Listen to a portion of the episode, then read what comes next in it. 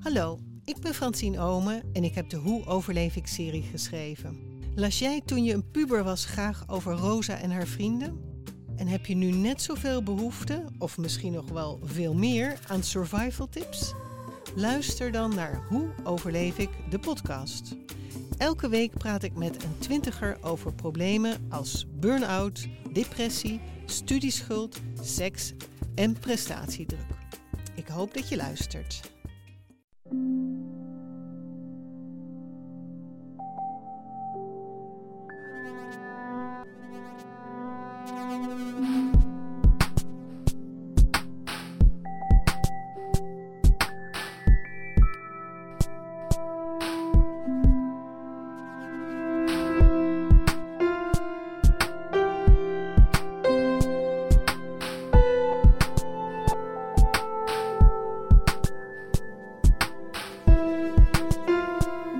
Welkom bij aflevering 16 van de Relaas podcast. In Relaas vertellen mensen een waargebeurd verhaal dat ze zelf hebben meegemaakt. Deze keer is dat het verhaal van Kaya Verbeke, die of all places bij de Mapuche-Indianen in Chili een aha-erlevenis kreeg.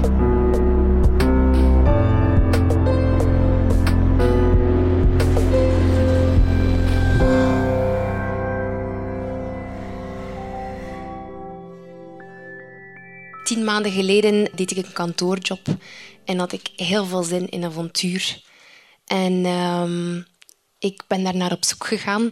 Ik had er toen nog geen idee van dat ik enkele maanden later plotseling op een nacht uh, ergens aan de andere kant van de wereld rond een totem ging dansen samen met een groep indianen en dan nog wel voor mijn job ook. Het is eigenlijk allemaal heel erg uh, snel gegaan. Ik uh, werkte dus bij een advocatenkantoor in Gent.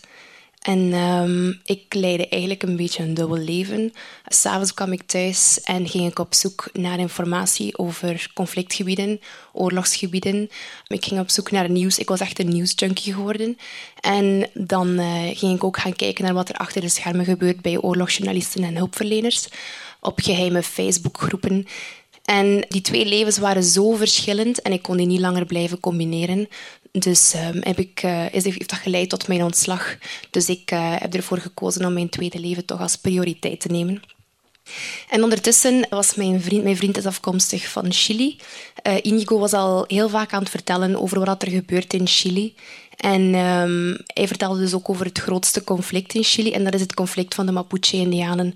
Heel kort gezegd, want het is een heel complex gegeven. De Mapuche-Indianen strijden al heel lang voor het terugwinnen van hun territorium. Het territorium is ondertussen ingenomen door ja, Europeanen heel vaak en meestal eigenlijk heel machtige multinationals, waardoor dat zij niet genoeg, allee, niet genoeg plaats hebben om, om zelf volgende generaties uh, te laten wonen en uh, in hun levensonderhoud te voorzien. En dat is dus ondertussen eigenlijk een heel groot, ook gewelddadig conflict geworden. En um, omdat het dus een conflict was, interesseerde het mij. En ook ja, Indianen spreken tot de verbeelding. Ik vind dat enorm mysterieus. En um, ik vroeg mij eigenlijk vooral ook af wat Indianen in 2015 eigenlijk nog doen. Hoe, zien die eruit? Hoe leven die? Dus ik vond dat eigenlijk een heel goed thema om mee te starten. Dus heb ik dat voorgesteld aan uh, de redactie van Frans. En uh, zij waren uh, geïnteresseerd, dus ik kon aan de slag gaan. Ik ging dus een reportage maken over de Mapuche, maar ik kan dat natuurlijk niet alleen. Dus uh, heeft mijn vriend Inigo uh, geholpen daarmee met de vertalingen en um, ook het fixen van contacten ter plaatse. En er moet natuurlijk ook iemand de beelden opnemen. Dus mijn goede vriendin Evie de Keur, uh, die camerawerk doet, is, heeft ook altijd zin in een reis ergens ver weg. Dus zij is ook mee in het project gestapt. En dus we zijn daarmee begonnen. En dat was eigenlijk nog één, er was nog één grote vraag, namelijk hoe geraak je bij een gemeenschap van Mapuche-Indianen ergens in het zuiden van Chili? En uh, daar hebben we heel veel geluk bij gehad. Um, zij, we zijn te weten gekomen dat zij begin december drie Mapuche-leiders in Brussel waren. En we mochten die gaan interviewen. En het was eigenlijk de bedoeling om hun vertrouwen te winnen en om ervoor te zorgen dat wij welkom waren bij hun gemeenschap. En dat is ook gelukt, want ze hebben ons op een bepaald moment Penji genoemd. En Penji betekent in het Mapudungun in hun taal zoveel als broeder, kameraad. Dus we wisten dat we welkom waren en we konden dus vertrekken naar Chili. Um, dus begin januari, 7 januari, de dag van Charlie Hebdo, zijn wij vertrokken naar Chili. En uh, zijn wij begonnen met onze avontuurlijke reis naar het zuiden. Want het is vooral in het zuiden waar het conflict zich afspeelt. En uh, we hebben de oude pick-up, de grijze oude pick-up van Inigo's ouders kunnen gebruiken om naar het zuiden te rijden. We hebben die volgeladen met heel veel materiaal. We hebben ook twee tenten meegenomen. Eigenlijk één en half, want uh, we waren de stokken van de ene tent vergeten. Waardoor dat we heel themagewijs um, een tipi hebben moeten bouwen om in te kunnen overnachten. Dus uh, het is eigenlijk heel low budget gegaan, want alles is betaald met crowdfunding. En uh, we zijn gewoon naar het zuiden vertrokken en we gingen eigenlijk op bezoek gaan bij de drie Mapuche-leiders die we hadden leren kennen in Brussel.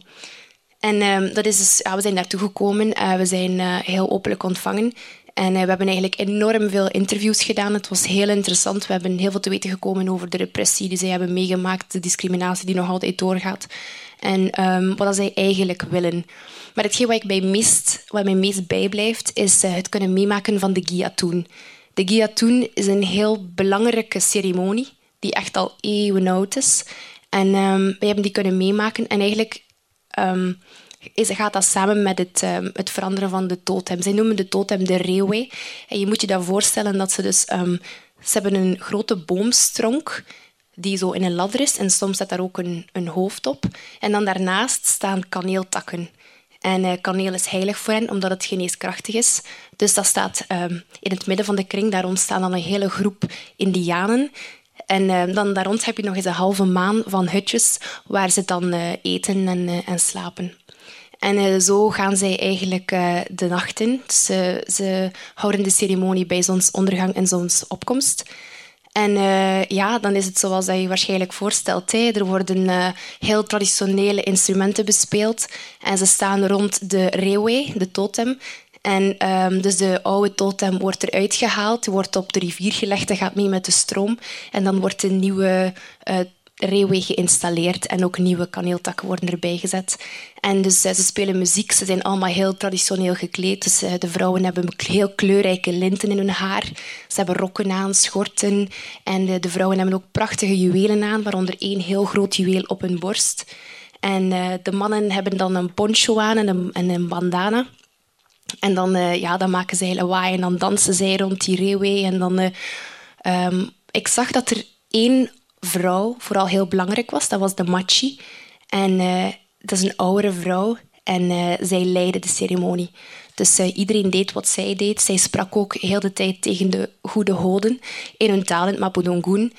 En ondertussen galoppeerden paarden rond de kring om dan de boze geesten weg te houden uit de kring, zodat zij vlot konden communiceren met de goede geesten.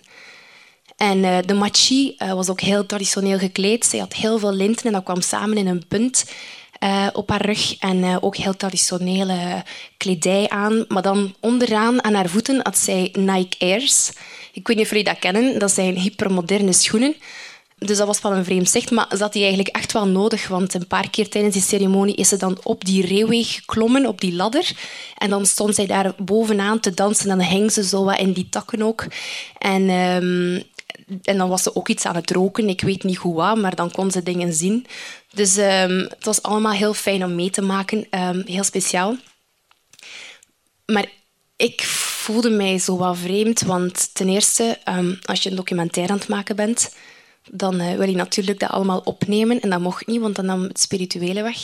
En dat is echt tandenbijten, want we hebben eigenlijk de beelden van ons leven niet kunnen maken. En dat is echt enorm, enorm jammer. Maar natuurlijk respecteer je dat wel. Um, je bent al blij dat je er mag bij zijn. Uh, maar waar ik vooral eigenlijk mee zat, was... Ik wist niet goed wat zij van mij ver, verlangen. Willen zij dat ik meedoe of willen zij dat ik net aan de kant blijf staan? Ik voelde mij beter maar gewoon met het observeren en het uh, gewoon bekijken wat er gebeurt als ik daar niet ben. Maar misschien was dat ook niet respectvol. Maar goed, ik heb me eigenlijk aan de kant gezet en ik heb gewoon gedaan alsof ik onzichtbaar was. Uh, tot de volgende dag. Want de volgende dag begonnen zij heel vroeg al terug bij het opkomen van de zon. En wij stonden zo wat verder weg bij de pick-up. En voor het eerst verlieten ze de totem en gingen ze zo wat verder op de heuvel. En dan kwamen ze allemaal samen in groep af. Allemaal traditioneel gekleed. Ze maakten muziek. De paarden waren daarbij, de kinderen speelden daar rond. Uh, ze waren van alles aan het zeggen, aan het dansen. En ze kwamen allemaal samen. Al die indianen kwamen op ons af. En voor het eerst dacht ik gewoon... Oh, Ik ben hier nu even niet de journalist. Ik ga gewoon even dit beleven, gewoon als mens. En elke keer dat ik dat vertelde, ik, dat is zo'n fantastisch moment. Op dat moment nam een klein kindje mijn hand en ze zei, Tia, Tia, dat was echt een tante, Tia, kom je mee? En dan ben ik gewoon meegegaan in die groep. En voor het eerst kon ik mij ontspannen en, en kon ik gewoon eigenlijk dat moment meebeleven. En dat is fantastisch, omdat je je weet dat dat zo al eeuwen hetzelfde is. En het is precies of dat je een soort van connectie maakt door de eeuwen heen. Want we zijn wel 2015 en ze hebben ook flatscreens en ook smartphones. Maar dat gaat even allemaal aan de kant om iets te doen die al eeuwen hetzelfde wordt gedaan. En dat is een fantastisch moment geweest. Um, en dan daarna um, was het moment om afscheid te nemen. Dus we hebben afscheid genomen van, uh, van de, de gemeenschap. En dan gingen we verder, want we hadden eigenlijk nog een belangrijke taak. Want we hadden op dat moment enkel um, de gemeenschappen geïnterviewd. Maar er is ook een andere zijde van het verhaal, namelijk uh, de Mapuche vallen soms ook buurbewoners aan die hun land niet willen afstaan aan hen. En dat gaat soms ook op een heel gewelddadige manier. En uh, we wilden graag eens uh, ook die kant belichten. We hadden een huisje gezien die 24 uur op 24 politiebescherming had. En we waren daar gaan aankloppen. En er stond daar politie op ons te wachten met de gigantische grote geweren en heel militair gekleed. En ze zeiden, ja, de eigenaar is er niet. Je kan niet binnen. Je zal de eigenaar op een andere manier moeten contacteren. En heel toevallig, een paar dagen later, hadden wij een interview met een advocaat, Juan noemt hij. En uh, wij hadden eigenlijk een voorgevoel. Ik weet niet hoe dat het komt, maar dus heel toevallig hebben wij gewoon de eigenaar op een heel andere manier leren kennen, zonder dat we echt op zoek gingen. En uh, we zeiden van ja, we zijn, uh, we zijn bij jou gaan aankloppen. En hij zei ja, ja ik weet dat wel. Uh, ik had jullie zien komen, ik was er wel. Maar ik vertrouwde jullie helemaal niet, want de Europeanen maken altijd pro-Mapuche documentaires. Ik zag jullie aankomen en ik was naar de stallen gegaan om mijn shotgun klaar te maken, want ik dacht dat dat er problemen van gingen komen. Dus niet zo'n goede start natuurlijk, maar we hebben de plooien gladgestreken en we zijn uitgenodigd bij hem en zijn familie om naar een weekend te gaan doorbrengen bij het huis waar we dus zijn gaan aankloppen. Dus dat hebben wij ook gedaan. We hadden wel wat schrik dat onze pick-up ging herkend worden door de Mapuche, maar we konden die kans echt wel niet laten liggen. En uh, ja, de eerste dag, de zaterdag, um, waarin uh, Evi en uh, Inigo gaan paardrijden. En ik kruip in de auto samen met Juan en hij neemt mij mee door een bos en hij zet me daar ergens af op een prachtige open plaats waar je ziet op een enorme vallei. En ik sta er wat te kijken naar het landschap en ik kijk over mijn schouder en ik zie dat hij zo een pistool uit zijn auto neemt en zo in zijn broekzak steekt. Heel stilletjes. En ik dacht, oh shit, wat nu? Um, die is waarschijnlijk kwaad uh, dat we inderdaad een pro-Mapuche documentaire aan het maken zijn op dit moment. En is dat te weten gekomen en uh, nu ga ik eraan. Ik moet hier een plannetje hebben. En ondertussen wandelt hij richting mij. En um, ik kijk naar hem en hij, kijkt, hij ziet waarschijnlijk mijn blik. En hij zegt, ja, dat pistool dat is omdat um, wij elk moment kunnen aangevallen worden door die Mapuche met geweren, dus ik heb hier al mijn voorzorg genomen. Dat is ook niet wat je wil horen, maar dat was voor mij echt al goed nieuws, want ik was gered voor dat moment. Um, en dat is eigenlijk de toon geweest van het hele weekend. Uh, wij gingen even binnen in de kamer en uh, ik zweer, ik heb echt geen kasten opengetrokken. Ik keek zo eens op de kast en ik zag er al twee revolvers liggen. Dus um, ik wist dat die mensen op een heel vreemde manier leefden. Ook s'avonds dan tijdens een um, barbecue, gezellig met de kinderen en de vrouwen erbij. Uh, die drie mannen, uh, vanaf dat ze iets hoorden, gingen zij met een ander in hun zakken gingen zij gaan lopen uh, om te zien of daar geen Mapuche waren die iets aan het uitsteken waren. Dus je ziet maar dat die mensen daar op echt een vreselijke manier moeten leven met elkaar. Als buurtbewoners schieten zij constant op elkaar, hebben daar heel veel beelden van gezien. En uh, we wisten dus dat er ook een andere kant van het verhaal was en dat we kunnen vastleggen. Want de volgende dag hebben wij enorm lange interviews gedaan met die man. En hebben wij dus ook de volledige andere kant op beeld kunnen vastleggen. Dus we wisten dat we voldoende hadden en um, dat we dus eigenlijk terug kunnen keren naar België. Dus uh, eh, 20 maart zijn wij teruggekomen en um, ja, dan begon de, de maand van montage. Er was heel veel werk te doen. Want uh, we hadden 18 uur beeldmateriaal en daaruit moet je 25 minuten selecteren. Wat echt een onmogelijke klus is.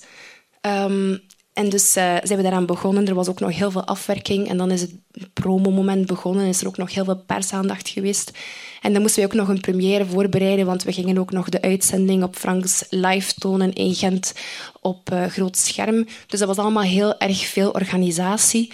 En... Um, ja, dat was een fantastische avond. Uh, we waren allemaal heel trots. Je hebt daar acht maanden naartoe gewerkt voor die 25 minuten. En dat wordt er op groot scherm getoond. Er waren heel veel mensen aanwezig en die hadden allemaal heel veel te zeggen en te vragen. En ja, dat, was, dat gaf enorm veel voldoening. En dan, ja, dan is het de zondag, de 31ste. En dan word je wakker, dan ben je kapot. En dan is er niemand die belt, is er geen journalist die nog iets moet weten of nog vlug een fotootje moet hebben. En uh, dan heb je ook geen vrienden uh, die missen, die nog dingen moeten weten. En heb je ook niet direct iets te doen. Ja, en dan sta je daar.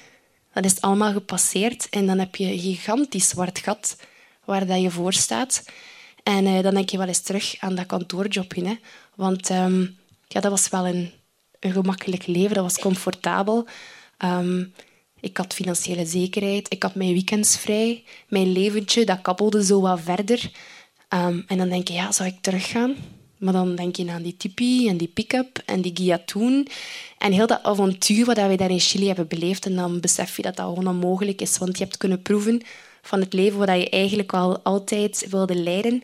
En dan weet je dat het gewoon onmogelijk is om terug te gaan. En dan de enige keuze die je hebt is gewoon dat zwart gat inlopen en uh, hopen dat er iets is aan de andere kant.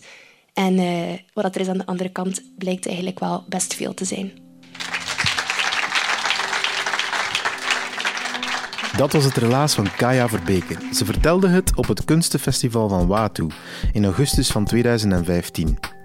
Kaya had er speciaal haar eigen fototentoonstelling van de Mapuche-Indianen voor in de steek gelaten, speciaal om voor ons te komen vertellen. Relaas is naast een podcast ook een maandelijkse vertelavond in Gent. Heb je zelf een bijzonder verhaal? Wil je iemand tippen die een goed verhaal heeft? Of wil je er graag zelf ook eens live bij zijn als de verhalen verteld worden? Surf dan naar www.relaas.be en je komt alles te weten over ons, over de vertelavonden en over de podcast. Relaas kwam tot stand met de steun van Stad Gent, Urgent FM en het REC Radiocentrum. Onze crew bestaat uit Dieter van Huffel, Timon van de Voorde, Sarah Smet, Sarah Latré, Valerie Schreurs, Philip Cox, Evert Savers, Charlotte Huigen, Marlene Michels en ikzelf ben Pieter Blomme. Like ons op Facebook, typ gewoon Relaas in Abonneer je op onze podcast op iTunes of op Soundcloud. Je geeft ons een waardering op iTunes. Je kan ook een comment achterlaten. De volgende die een waardering op iTunes geeft, een positieve, dan nog krijgt van ons een lofrede in de volgende Relaas podcast. Bedankt om te luisteren en vergeet niet, als je je job eventjes kotsbeu bent, sluit dan je ogen, denk aan wat de dag nog allemaal voor moois zou kunnen brengen, volg je instinct en doe vandaag nog het nodige.